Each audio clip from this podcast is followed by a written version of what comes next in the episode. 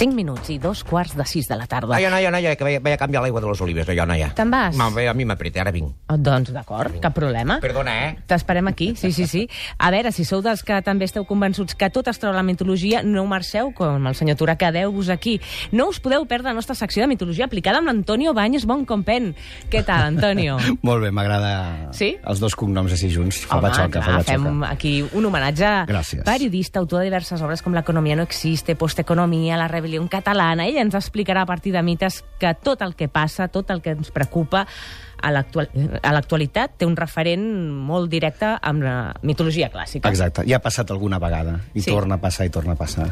Perquè els déus antics tothom creu que estan morts, però no estan morts, estan, diguéssim, descansant o no ens volen ficar en aquest liu que és el món contemporani, però continuen explicant-nos el que passa al món. No? Això ens converteix en una mena de hàmster, no?, en certa manera, que tot va tornant i tornant, o no? Eh, sí, jo crec que sí. Jo crec que els déus antics ho miren amb molta, amb molta més gràcia al món actual que en el d'abans, perquè abans els hi feien cas i ara des de que no fem cas als déus antics, la cosa va molt pitjor, evidentment. No? Ens hauríem d'una mica entregar més a la voluntat dels déus. Efectivament, ens hem d'entregar, i aquest és l'esperit de la secció, invocar els déus antics, i des d'aquí invoquem el primer i el déu que ens, va guiar, ens guiarà aquesta secció, que és el nostre déu Hermes.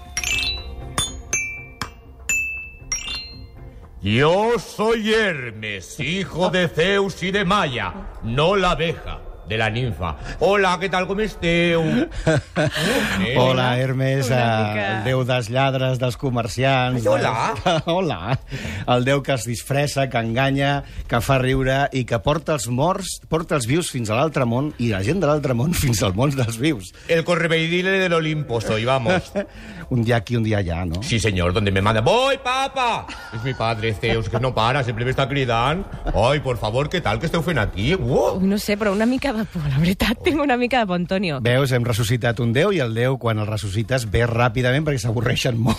Uy, es una... bu- Bueno, yo no me aburro mucho, nen, porque no paro de... No, es que no paro, estic tot el dia amunt i avall, amunt i avall, no parar, no parar. És el missatger. El, El És el Sí. Déu missatger, sí, que ens il·luminarà i que ens portarà i ens guiarà pel món de l'actualitat i la mitologia. I precisament, i malauradament, uh Mhm. -huh. l'actualitat avui ens porta cap a una part d'Europa, que és Ucraïna, Sí. on hi ha hagut aquest atemptat, eh, aquest atac cap a un avió civil, i molta gent desconeix que Ucraïna és un centre molt important, i sobretot a Crimea, de la mitologia grega. Uh -huh. Ningú ho associa, però efectivament sí que ho és. I precisament avui parlarem de la Ucraïna mítica, de la Ucraïna de l'època dels grecs, i que demostra que més o menys no ha canviat tant la Ucraïna que estem vivint ara. Perquè llavors la Ucraïna d'aquells temps es deia la Tàuride Tauride. la Tàuride. I tampoc els agradava gaire els turistes, com hem vist que ha passat. No? No, la, no, la gent no, no volia que visitessin. Si tu mai naufragaves o anaves amb Ryanair o arribaves en tren a la Tàuride, mm -hmm. el que et feien era et tallaven el cap... Bueno, primer et colpejaven un mall, et tallaven el cap, enterraven el cos i pujaven el cap dintre a sobre d'una pica. Això a la mitologia clàssica. No, no, això sí, a la mitologia clàssica és el que deia que feien els habitants. És a dir, no era gaire turístic el lloc. Bueno, cada, cadascú fa les coses que vol i s'entrete com vol i en aquella època, pues mira, cadascú feia, pues mira, els agradava fer això, que vols No, fer-hi. vull dir, que en barret mexicà no passejaven per la Tauride, no? Mentira, no Quins agradaven. noms, quins déus hi havia al costat de l'Hermès, per exemple, per aquella zona? Doncs uh, precisament a la Tàuride és on surt el, el mite d'Orfeo. El, Mhm. Ay, menudo. Nada, nada, cuéntalo tú, cuéntalo tú. I sobretot el mite més poderós de la, de la Tàuride, d'Ucraïna, és el d'Ifigènia. Una llorona. Ja està. Efectivament, Ifigènia era una noia molt guapa que fins i tot un dia que estava dormint en un bosc, perquè la gent dormia no en viscolàstic, Cert. sinó en el bosc, doncs un jove que es deia Simó, no Simó de Simón, De vin- del vino, del vino este que teniu, el don Simón, no, no. Doncs la va veure i es va quedar tan enamorat que no només es va quedar enamorat, sinó que ell, que era un ignorant i un camperol, va de sobte adquirir tots els coneixements i tota la sabidoria d'un cavaller, només per mirar-la. Com era la Ifi, per dir-li La l'Efigènia. Sí, a bueno, casa, siempre le llamo la llorona, pero bueno. Què li va passar a. Ifigènia i què li va passar a Ucraïna? Doncs mira, el seu pare, Agamemnon, que era un rei... Era un bandido, era un rey, pero era un bandido, por favor. Bueno, volia, efectivament, volia uh, anar a invadir Troia. I llavors un oracle, perquè allà hi havia molts oracles, que tu anaves pel carrer i deies, oye, nene, cuidado, que soy el que te va a pasar... Això era així. Un oracle li va dir, escolta, si vols anar a invadir Troia, eh, l'única manera és has de matar la teva filla, Ifi, a la Ifi. I el nen va dir, el pare va dir, què faig? Mm, La nena nena o Troia? I va dir, Troia. Què passa? Que estava sota la, la, la protecció d'Artemisa, que era la, la deessa verge dels caçadors i dels boscos, i la l'altra, la l'altra. I Artemisa el que va fer és substituir Ifigènia, quan l'anaven a matar, per un cèrvol. Eh, mm, hi ha un problema de dioptries, ja ho sé, perquè un cèrvol i una noia no s'assemblen No, gaire. no, no. no. I, I estic pensant, jo encara, amb els referents d'abans, que això només pot passar a la mitologia aplicada que ens porta l'Antonio Efectivament. Sí, sí, sí. Llavors, eh, la canvien per un cèrvol i la porten a Tàuride, aquell lloc on mataven a la gent, i li, li donen una feina fixa, que és ser deessa d'Artemisa. Què passa? Que ella arriba allà, està sola, la família, i té un somni pel qual creu que ha mort tota la seva família. Llavors, es plany. El sueño, veu- el sueño sabes que se lo, se li vaig posar jo, claro, que soc claro. també el déu dels somnis. es veu sola a la vida. Aquesta història eh, ha estat reflectida en moltes obres de teatre, tragèdies d'Eurípides i sobretot una òpera de Gluck que es diu Ifigènia en Tàuride uh -huh. i Tiri Tekanawa, la, la soprano neozelandesa, cantava així el plany d'Ifigènia. O toi qui prolongue mes jours, a tu que prolongues els meus dies. Toi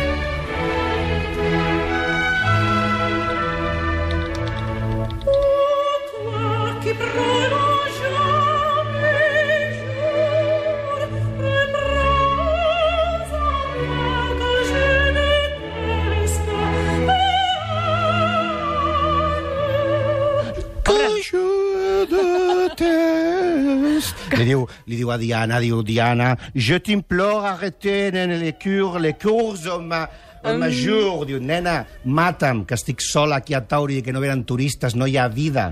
Clar. Soc Ifi. Estic pensant que l'òpera i la mitologia sí que s'han entès molt bé al llarg de la Clar, vida. perquè són històries absolutament potents. I llavors, aquesta, aquesta dona um, pensa que, doncs, bueno, que, que està sola, que no hi ha res, i llavors um, hi ha un moment en què el seu germà, que ha matat a la seva mare, això ho explicaré un altre dia, uh, um, arriba també a Tauride. Però, com hem dit, que mataven els turistes, el seu germà es deia Orestes. Orestes. Llavors arriba amb, amb el seu... És una cosa que... Vengo con mi primo, su primo Pélide. Menudo. Vengo con mi primo Pélide. Orestes i Pélide, no? Ja, arriben allà amb la intenció de robar l'estàtua de la deessa a Artemisa. Sí. I llavors, clar, ja hem dit que el que els hi feien els turistes, no? que els mataven a tots, i diuen, bueno, matarem aquests dos, i Ifigènia no reconeix el seu germà, que és Orestes, i diu, vale, pues ara el, matarem, el sacrificarem. Jo, com a deessa, el sacrificaré. Claro, Que ¿cómo es lo va reconocer si se pensaba que estaba mort? Sí. Claro, si es que, si es que le Clar, creía clar, que estaba però toda la llavors, familia quan mort. es dona Claro. compte, quan es dona compte, canta l'altra àrea, famo, àrea, àrea de servici, Àrea, àrea, sí. d'òpera, que és O Maleorgues Ifigènia. En aquest cas no és Tirite Canagua, és la Maria Calas. Ole.